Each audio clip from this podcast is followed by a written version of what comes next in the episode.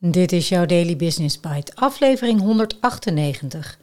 Leiders missen het lef om dingen te laten gebeuren. Door Ronald Buitenhuis op managementboek.nl. In veel organisaties heerst nog kadaverdiscipline, terwijl zelfdiscipline de nieuwe weg zou moeten zijn, bepleit oud-legerofficier Edwin Zazada in Momentum, de kunst van wendbaar organiseren. Je luistert naar Daily Business Bites met Marja Den Braber, waarin ze voor jou de beste artikelen over persoonlijke ontwikkeling en ondernemen selecteert en voorleest. Elke dag in minder dan 10 minuten. Rusland kon het tempo van verandering in de Oekraïne-oorlog niet bijbenen, omdat het Oekraïense leger veel wendbaarder is ingericht. Een les voor organisaties die denken te gedijen bij controle en beheersing, in plaats van het initiatief te leggen bij diegene met het beste zicht op de situatie. Agile, wendbaar, zelfsturing, iedereen heeft het erover, maar per saldo sturen we organisaties nog vooral top-down aan. Leiders en managers die vooral controle willen. De eigen emotionele behoeftebevrediging van een manager staat nog steeds onbewust bovenaan. Primair reageren mensen emotioneel, daarna pas rationeel. De menselijke onzekerheidsmijding en controlegedrag die we allemaal kennen, speelt ook bij leidinggevenden. Het probleem is alleen dat ze daarmee de controle, handelingsvrijheid en het initiatief van medewerkers beperken. En hoewel dat voor de leider misschien prettig voelt, gaat het in de praktijk fout. Enerzijds omdat we daarmee een vorm van aangeleerde hulpeloosheid in de organisatie creëren Mensen nemen zelf geen verantwoordelijkheid meer. Anderzijds is het tempo van verandering en complexiteit van de markt dusdanig groot dat leiders het niet alleen kunnen. Je hebt het gezamenlijk denkvermogen van de organisatie nodig, wil je succesvol zijn. De productiviteit van een organisatie wordt echt niet groter door een team van een paar man aan de top tot in detail een operatie te laten invullen. Wat is de oplossing die u in uw boek Momentum biedt? Marcus Aurelius was keizerfilosoof. Het is nu tijd voor de leider-psycholoog. Leiding geven zonder kennis van mensen is onmogelijk. We moeten initiatief aan mensen terug durven geven. Werknemers die het dichtst op een probleem zitten, hebben de beste tastbare en ontastbare informatie om tot een oplossing te komen.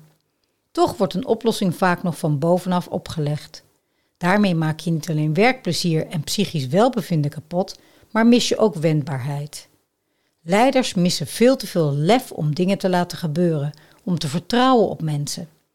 Kijk naar de huidige regeringscrisis. Belastingdienst, zorg, stikstof, asielbeleid. Het ontstaat allemaal door een eindeloze reeks starre regels en een overmaat aan controle. Niet alleen de effectiviteit van de oplossing, maar ook de menselijke waardigheid legt het af tegen regels. En elke nieuwe regel beperkt een medewerker verder maakt bewegingsvrijheid van medewerkers groter in plaats van kleiner en zet in op het faciliteren van ontwikkeling, groei en vakmanschap. U maakt in momentum veelvuldig de vergelijking met legers. Die zijn toch per definitie star en gedijen door controle. Sommige krijgsmachten zeker. De moderne westerse krijgsmacht echter is juist gebaseerd op principes als auftragstactiek, mission command en opdrachtsgerichte commandovoering. Daarbij gaat het om het minimaliseren van onnodige details en het sturen op het beoogde effect van een operatie. Het wat en waarom is van de leider, het hoe van de professional. De beslissingsbevoegdheid ligt op het laagst mogelijke niveau van coördinatie. Dat is waarom de Oekraïne-oorlog zo interessant is. Kijk naar het Oekraïense leger van 2014 of eerder, waar ze eerst controlegericht werkten met weinig beslissingsbevoegdheid en het letterlijk wachten op toestemming van hogerhand, hebben ze vanaf 2016 ook op leiderschapscultuur een ontwikkeling doorgemaakt. Militaire adviseurs uit de VS, Groot-Brittannië en Duitsland hebben hen geholpen de omslag te maken, de beslissingsbevoegdheid en het initiatief lager in de organisatie te leggen, waardoor gemaakte beslissingen veel beter aansluiten bij de situatie ter plekke. Het resultaat is een hoger operationeel tempo met een veel beter resultaat. Je moet de denkkracht van alle mensen in de organisatie durven te benutten in plaats van krampachtig micromanagement. Onderzoek laat zien dat bij complexe vraagstukken het IQ van iemand niet heel veel uitmaakt. Veranderkracht zit in alle lagen van een organisatie. Een lange termijnplanning van vijf jaar heeft geen enkele zin als je je niet realiseert dat de werkelijkheid constant wijzigt. In Momentum wordt onderscheid gemaakt tussen kadaverdiscipline en zelfdiscipline. In veel organisaties wordt je geacht de regels te volgen. Elke declaratie wordt gecontroleerd.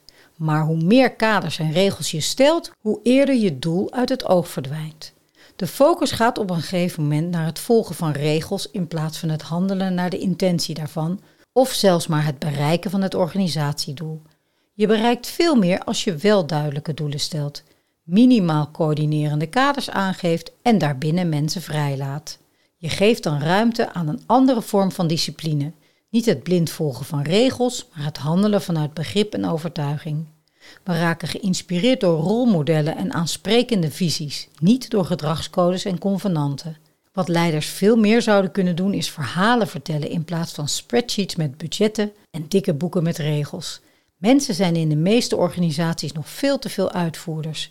Geef je hen vertrouwen en inspireer je hen, dan krijg je vanzelf zelfdiscipline. Gemotiveerde mensen die meewerken aan het organisatiedoel en in staat zijn hun eigen emoties, denk aan uitstelgedrag, angst, onzekerheid en gemakzucht, te beheersen en zo wel bereid zijn tot verandering.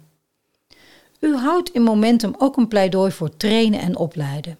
De kwaliteit van medewerkers is heel lastig, meetbaar in exacte cijfers, vast te stellen. Uitgaven aan trainen en opleiden zijn wel meetbaar en dus worden ze vaak makkelijker geschrapt of tot een minimum beperkt omdat ze geld kosten.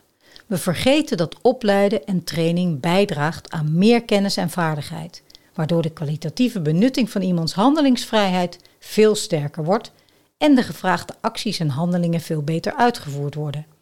Het is jammer dat veel organisaties interne toegang tot bedrijfsgevoelige informatie juist beperken uit angst dat het bij de concurrent terechtkomt, terwijl ze juist met die beperking de concurrentie al een gigantische dienst bewijzen. Ze doen hun medewerkers een blinddoek om en zeggen: succes ermee. Leiders moeten meer faciliteren in plaats van controleren. Daily Business Bites met Marja Den Braber. Je luisterde naar Leiders missen het lef om dingen te laten gebeuren door Ronald Buitenhuis.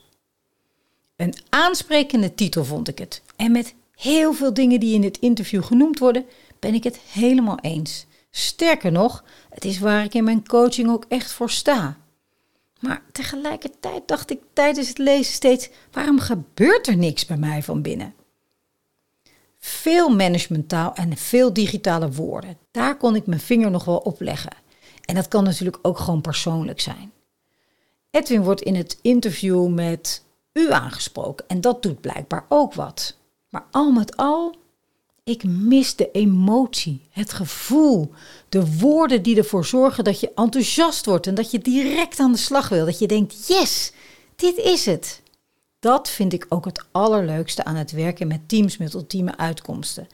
Veel van wat hierboven genoemd staat, komt daar zeker in voor. Maar met als uitgangspunt, business is emotie. Ieder zijn ding en voorkeur. Ik ben benieuwd naar die van jou en ik spreek je graag morgen weer.